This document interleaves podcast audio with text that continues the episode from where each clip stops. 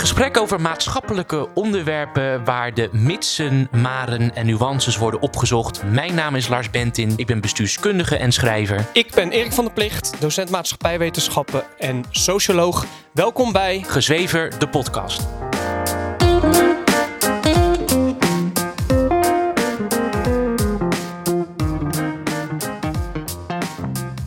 Ben jij wel eens uh, geannuleerd ergens, gecanceld?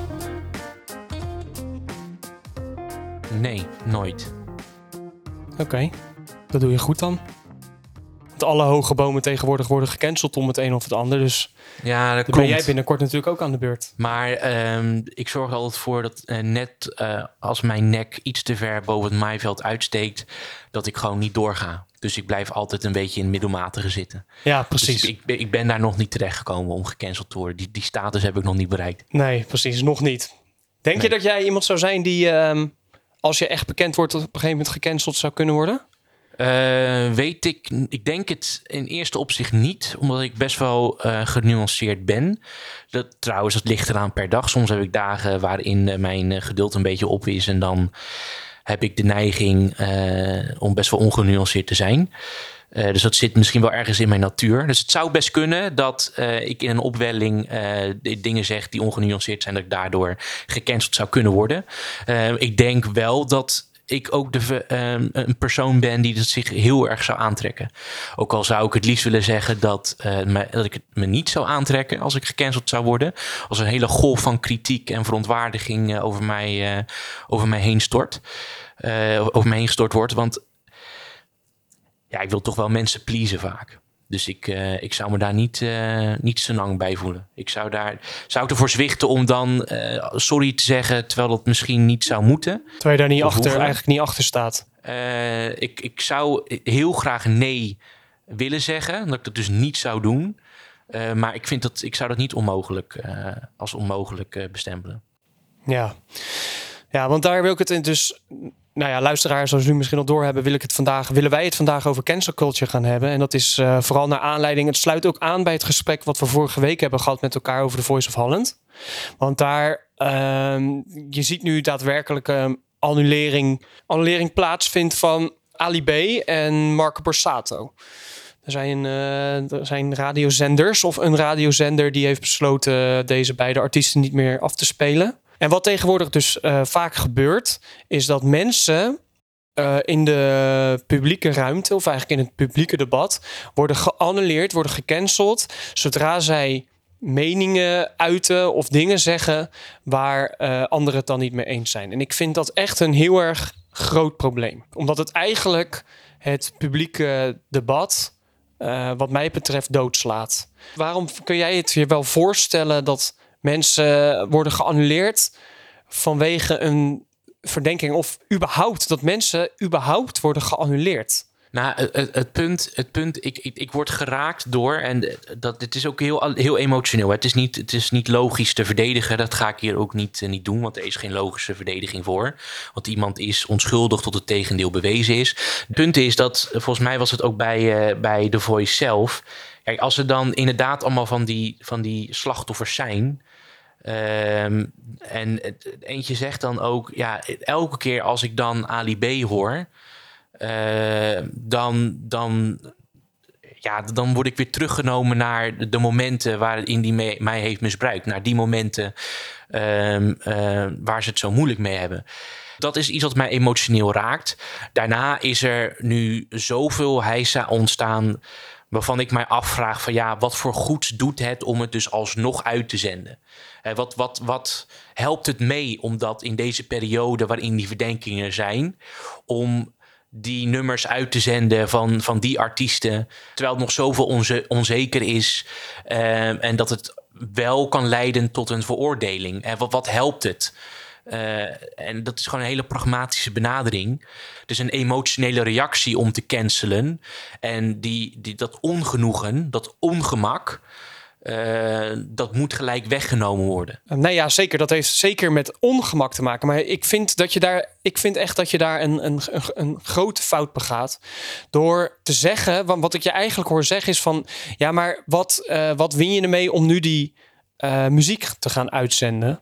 Maar probleem daar is, dat, dat is dus inderdaad ook de gedachte die leidt tot annulering van mensen. En, en in dit geval dan dus van cancel culture. Ja.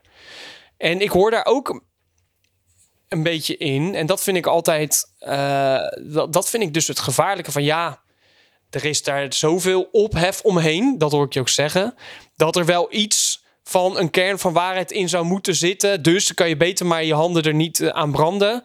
En als eh, uitzender van muziek of film of wat dan ook, eh, maar beter het zekere voor het onzekere nemen.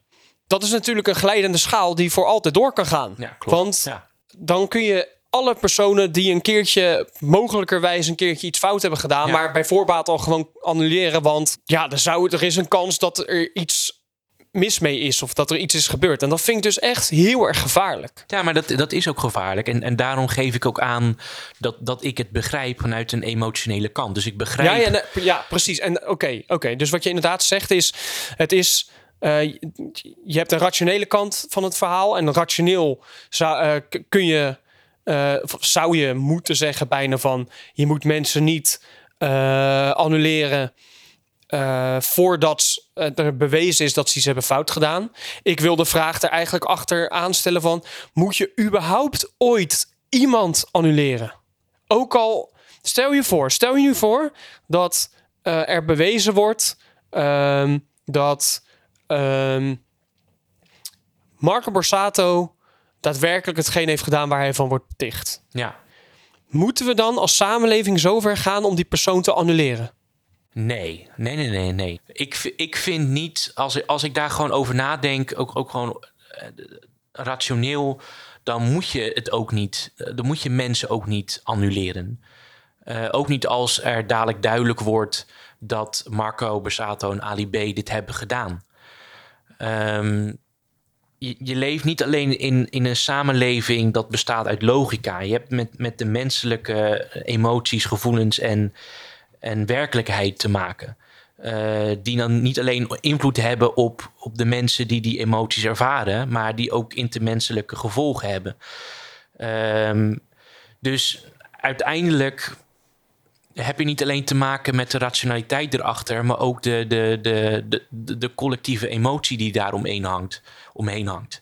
En als ik gewoon heel erg eerlijk zou zijn, en nu zou ik dat moeilijk vinden, omdat het toch wel in mijn achterhoofd zit als ik Marco Borsato opzet. Ehm, ja, de, de, verhalen die nu naar boven zijn gekomen, eh, of ze nou waar zijn of niet. Ehm, maar ik zie ook voor me dat ik over een jaar of twee jaar, als het allemaal voorbij is, gewoon weer Marco Borsato opzet. Omdat ik het nummer De Bestemming gewoon heel fijn vind. En heel mooi vind om naar te luisteren. Dus jij zegt nu daadwerkelijk dat je in jouw privéleven ehm, nu bewust Marco Borsato niet opzet.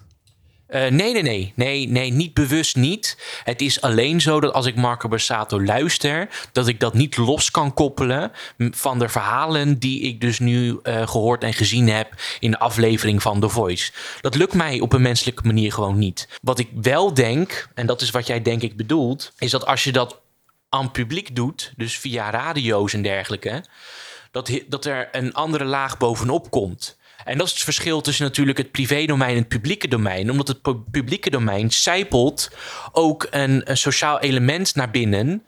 eh, ook als je naar de radio luistert. Ehm, en, en dat is natuurlijk heel erg eh, moeilijk voor heel veel mensen.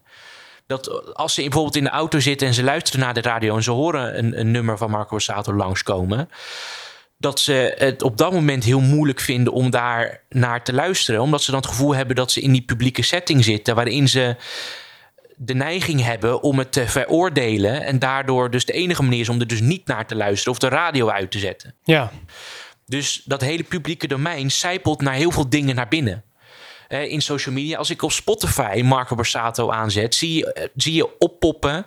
Eh, ook voor andere mensen die gelinkt zijn aan mijn account en mij volgen en dergelijke. jij Marco Borsato dat ik Marco luistert. Borsato luister. ja, ja. Maar, en dit is dus, en maar dit, wat jij nu dus, dat, dat laatste voorbeeld wat je erbij pakt, dat vind ik dus problematisch. Dat je, omdat, en dat, en laten we nu even een stap terug doen, want we nemen nu Mark Passato als heel erg concreet voorbeeld, maar Ja. laten we even een stap terug doen.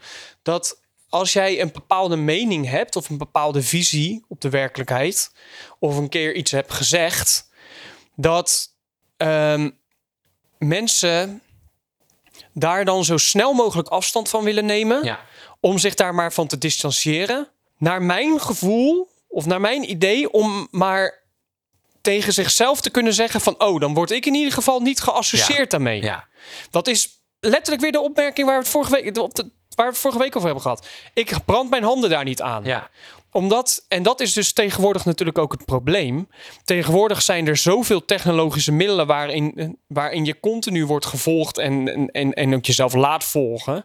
Met daarbij inderdaad als voorbeeld bij Spotify dat, kijk, ik heb jou op Spotify, dus ik kan altijd zien wat je luistert. Ja. En dat is natuurlijk het probleem daarmee, dat iedereen kan zien wat jij doet. Maar het probleem is wat mij betreft de onmogelijkheid dus blijkbaar van mensen om in dat soort situaties ook hun ratio te blijven gebruiken. Ja. Want natuurlijk, ik snap net, ik snap als jij, ik snap als jij zegt dat het heel men, buitensluiten van mensen is heel menselijk. Ja. Ik als docent stuur ook. re- eh, Stuur regelmatig. ik wil ja. Elke dag stuur ik een. Nou, eh, niet iedere dag. Ik wilde ook eigenlijk niet het woord regelmatig gebruiken, maar als ik eerlijk ben. Ik, ik, er zijn, eh, ik ben best wel een docent die snel leerlingen eruit stuurt als ze zich niet gedragen zoals ik dat wil. Dus je Dus bent het- actief bezig aan de annuleringscultuur. Ja, eigenlijk wel, ja. Dus ik snap dat dat op microniveau mensen heel erg de neiging hebben tot annulering. Ja. Maar het, een van de kenmerken van een rechtsstaat is juist de emotie Ja, klopt. eh, uit besluitvorming en dergelijke halen. Daarom hebben we zaken zoals vrijheid van meningsuiting. Dat zou je bijna vergeten, dames en heren. Maar dat is een grondwetartikel dat we hebben in Nederland. Vrijheid van meningsuiting.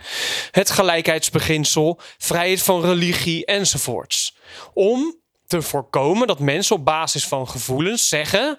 ehm, jij eh, mag niet meedoen, want eh, jij hebt deze mening geuit... of jij ziet er zo uit. Ja.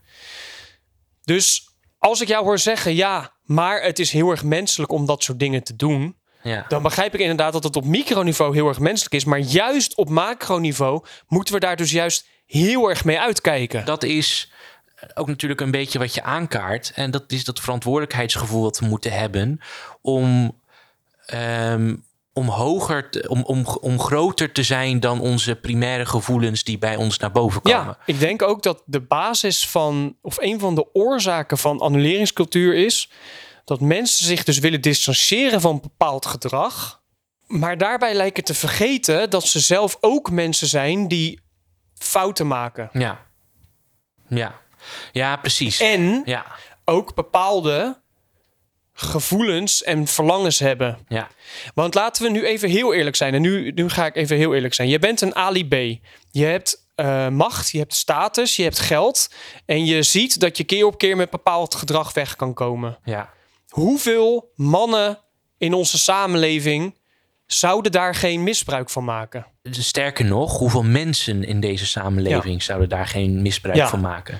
En mannen dan, ja. mis- mannen dan wellicht eh, wat, wat meer op seksueel gebied. ja, klopt. Vrouwen wellicht op andere, wat meer op andere gebieden. Ja, nee, dat klopt. Ja. En daar, daar heb ik dus zo moeite mee dat we alles wat maar een beetje ongemak oplevert, annuleren. Maar wat is het ongemak?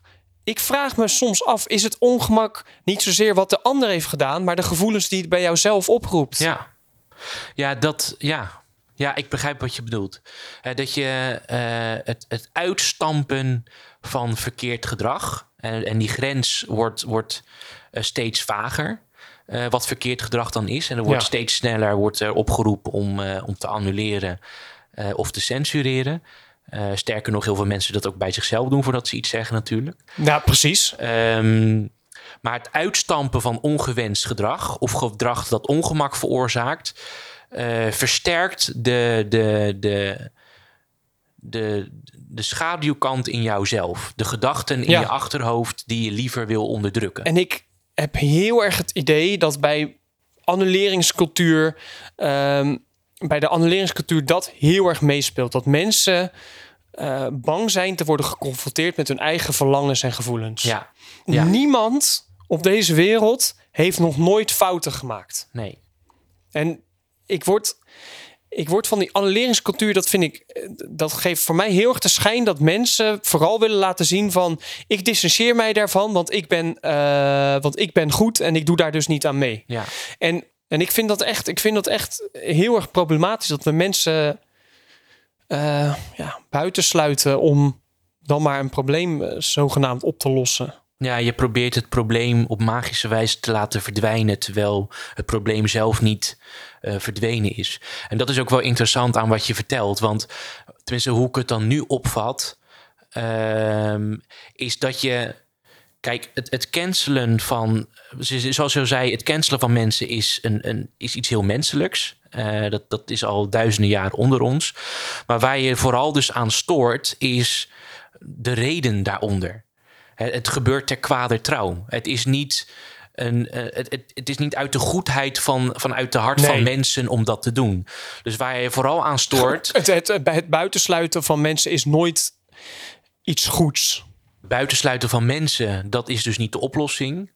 Maar hoe zou jij dus wel met zoiets omgaan? Als je daarin meeneemt de, de menselijke gevoelens en emoties, die, die jij denk ik ook wel kan begrijpen dat, Tuurlijk. dat uh, Ali B en Marco Borsato dan niet op, op de radio meer worden uitgezonden. Maar hoe zou je dan wel met zoiets omgaan? Wat zou dan de beste manier zijn in onze samenleving om daar op een gezonde manier mee om te gaan? Als je zegt dat het nu niet op een gezonde manier gebeurt. Ik, ik denk radicale vrijheid van meningsuiting dat we er met elkaar over praten. Uh, dat we durven te praten met elkaar over de oorzaken van bepaalde problemen. Zoals we ook vorige week met elkaar hebben, hebben besproken natuurlijk. Uh, ja. Toen het ging over de voice. Um, dat we niet één versimpeld narratief pakken... Uh, en dat maar continu gaan uitzenden naar elkaar. Ja. En dat je, wat jij dus ook vorige week zei... dat je een een, uh, eigenlijk uh, een mantra aan het herhalen bent, ja. omdat je maar denkt van dat, dat wil men van mij horen. Ja. Maar dat we ook eens eerlijk met elkaar gaan praten over um, gevoelens en dergelijke, die dat soort onderwerpen, zoals bijvoorbeeld seksueel grensoverschrijdend gedrag, dat we daar met elkaar over praten. Maar nu, er wordt niet, meer, er wordt niet over gepraat, want net zoals dus inderdaad uh, op je computer dat je iets annuleert, je annuleert het gewoon, dan is het weg en dan is het klaar. Ja. En dat is, lijkt me echt totaal niet de oplossing. Dus ik denk dat we heel erg moeten uitkijken met dit soort beslissingen. Als het uitschrijven van acteurs uit series. Van het uh, niet meer afspelen van bepaalde artiesten en dergelijke. Ja. Want, en, en dat, daar, dat wil ik er ook nog bij zeggen. Want wat je, en dat, dat liet jij net ook al even vallen. Wat je daarmee doet, is het versimpelen van een persoon tot een good guy of een bad guy. Ja, oké, okay, ja. Neem, en nu ga ik misschien iets zeggen wat heel erg controversieel is, maar neem eens Kevin Spacey. Ik heb altijd al het gevoel gehad van er klopt iets niet aan hem. Ja.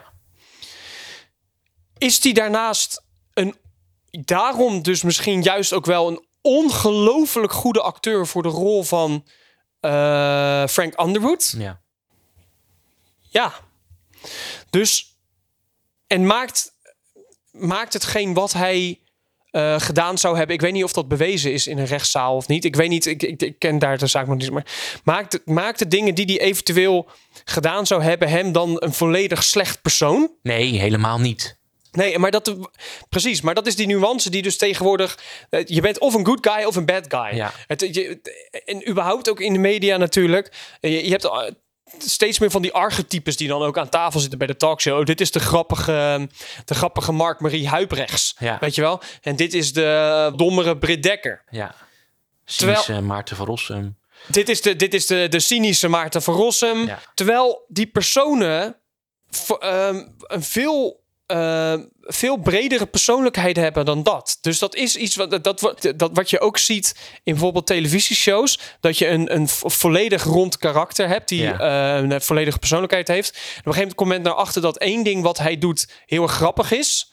En dat ze op een gegeven moment de schrijvers zich alleen nog maar gaan richten op dat ene grappige ding wat hij doet. Dat is bijvoorbeeld ehm, bij Joey van Friends. Die begon als een vrij genuanceerd eh, persoon. Maar op een gegeven moment kwamen de schrijvers erachter dat de domme Joey die alleen nog maar domme grappen kan maken en eigenlijk niks snapt, dat men dat grappig vindt. Dus gingen ze hem alleen nog maar schrijven als dat hele eenzijdige domme personage. Ja. Nou, en dat zie je dus in de media ook gebeuren. Wat men daarbij vergeet is dat de good guy of de bad guy volledige personen zijn met een volledige, eh, een volledig scala aan qua persoonlijkheid. Ja. En ook een Ali B, die ook al zou die dit soort dingen gedaan hebben, als dat straks bewezen wordt, is dat nog steeds een mens die ook goede dingen heeft gedaan. Ja. Of goede dingen doet. Ja, ja dus de, maar dat, dat, dat is dus ook een van de belangrijke aspecten. En dat, daar ga ik wel in met jou mee. Dat het cancelen van een persoon eh, schijnheilig overkomt. Omdat je daarbij de volledige persoon eh, ontkent. De volledigheid van iemand als Ja, persoon. ja, precies. Je, Ja. je ontkent inderdaad de volledigheid. Het wordt een, een, een versimpeld archetype. Dit is Ja. de bad guy. Ja, Net, zoals in een James Bond film, toch? Dan heb je Ja. de, de bad guy. ehm, en die ehm, is dan volledig slecht. Ja. ja, maar ik denk ook eh, wat wij heel erg fout hebben gedaan in, nou ja, hoe laat ik het dan nu zeggen, de westerse wereld, eh, is een bepaald, bepaalde morele, ehm, morele verhevenheid koppelen of een morele standaard koppelen aan onze eh, beroemdheden. Aan bijvoorbeeld Ja, BN'ers, ja, ja. aan acteurs, aan zangeressen. Terwijl als je kijkt naar de geschiedenis, en er zit toch best wel een rode draad in, moet je dat nooit doen. Nee. Je moet nooit aan, aan, aan, aan kunstzinnigen, eh, eh, de zangers, acteurs en dergelijke, moet je nooit een morele standaard aan vastkoppelen. Nee. Dat gaat gewoon niet. Ook omdat die mensen een bepaalde persoonlijkheid ook vaak hebben. En dat is geen slechte eh, eigenschap, maar ook iets eigenaardigs hebben, waardoor ze juist goede kunstenaars zijn. En, en als ze verschrikkelijke dingen doen en als ze fouten maken, eh, dan, dan, dan, dan vind ik ook dat, dat, dat dan moet dat. Ja, het, is, het is niet een vrijbrief. Dit is geen je- vrijbrief om dat soort dingen te doen. Nee, het is niet zo van, jij, ja, jij bent kunstzinnig en jij kan goed acteren, dus we accepteren dan ook maar dat jij eh, Nee, vrouwen aanrandt. Ja. Nee, nee, maar we, en dat is inderdaad, we moeten wel met elkaar erkennen dat, en daar ben ik, daar ben ik echt van overtuigd, dat bepaald, eh, om het maar even versimpeld te zeggen, negatief gedrag, zoals seksueel grensoverschrijdend gedrag, wat ik denk is dat juist de, de, de inspiratiebron voor eh, artiesten en acteurs en kunstenaars is niet. De, geen, ik, ik, ik ben ervan overtuigd dat geen enkele muzikant muziek maakt vanuit een heel erg eh, blij gevoel. Uit een soort van balans in hun leven, of je zegt. Nee, precies. Ik denk dat alle muziek uiteindelijk melancholisch is. Ja. En die melancholie komt uit een stuk verdriet bij die mensen, wat zij als inspiratiebron gebruiken. Ja. En dat stuk verdriet wat zij bij zich hebben, is dezelfde eh, oorzaak van eventuele vers- van verslavingen die zij hebben. Zoals bijvoorbeeld een seksverslaving of een drugsverslaving. Het is geen toeval dat vrijwel alle muzikanten een drugsprobleem hebben. Dat is niet. Dat heeft natuurlijk onder andere ook te maken met een absurd, absurdistisch leven wat ze hebben. Maar Ja. ook met dat verdriet wat ze in zich hebben. En dat verdriet, dat gebruiken ze tevens voor het maken van muziek. Ja. En voor het, voor, het, voor het spelen van mooie scènes. Ik denk dat, dat, dat mensen dat ergens wel weten, ook van zichzelf. Dat als ze bijvoorbeeld weer eens een keertje te veel kleding hebben besteld, dat ze dan vervolgens kunnen annuleren. Daar hebben we het net over gehad. Of als ze weer een keertje een serie hebben ge, gebingewatcht. Of eens een keertje weer te veel hebben gegeten. En te veel, of een keertje te veel hebben gedronken. Dat ze dat weten, dat ze dat echt niet hebben gedaan. Vanuit zo'n ontzettend blij gevoel van binnen. Maar ze willen daar niet mee worden geconfronteerd. Dus als Ja. ze met iemand anders, die ze inderdaad ook nog eens een keertje hebben opgehemeld. eh, als, ze iemand, als ze daar verhalen over horen van die heeft dat, dat, dat gedaan. Dan moeten we die persoon maar gelijk worden geannuleerd. Want eh, ze willen niet goed nadenken van... oké, maar hoe komt het nou dat zo'n persoon dat heeft gedaan? Want Ja. dan zullen ze erachter komen... dan zullen ze de conclusie moeten trekken... dat die persoon dat heeft gedaan... vanwege melancholische, verdrietige gevoelens die zich in zich hebben... die wij allemaal met elkaar delen. Kijk, het is natuurlijk ook geen toeval dat in de Bijbel... een van de principes, principes is... hij die onschuldig is, werpen de eerste steen. Ik denk dat wij, als wij alle 17 miljoen Nederlanders die wij hebben, zouden kunnen verzamelen op een dorpsplein. En hen allemaal tegen hen allemaal zouden zeggen van hij of eh, degene die nog nooit op seksueel gebied iets fouts heeft gedaan, mag de eerste steen werpen. Ik denk, en dan moeten ze ook echt eerlijk zijn. Hè? Wat ik bedoel met seksueel gebied is niet per se verkrachting of aanranding. Maar bijvoorbeeld een keertje iemand iets beloven van... eh, ik wil wel een relatie met jou om vervolgens seks te hebben. En dan daarna nooit meer wat te laten horen. Eh, jezelf ander, ehm, Voordoen dan je bent. anders voordoen dan je bent op seksueel gebied. Eh, bepaalde opmerkingen maken waarvan je weet van dat eigenlijk niet kan. Ik denk dat als we iedereen zouden verzamelen... en iedereen zou eerlijk zijn... dat niemand de eerste steen zou werpen. En dat... En daar heb ik dus, daarom heb ik dus zo moeite met die annuleringscultuur.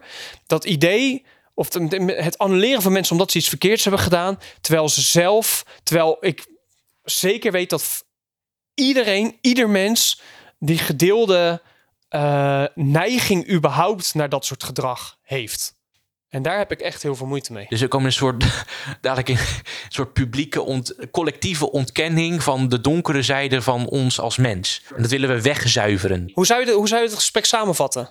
Daar ben je altijd wel goed in, dus... Maar ik denk dat het een goede samenvatting is. Want het begon natuurlijk met Marco Borsato en Ali B.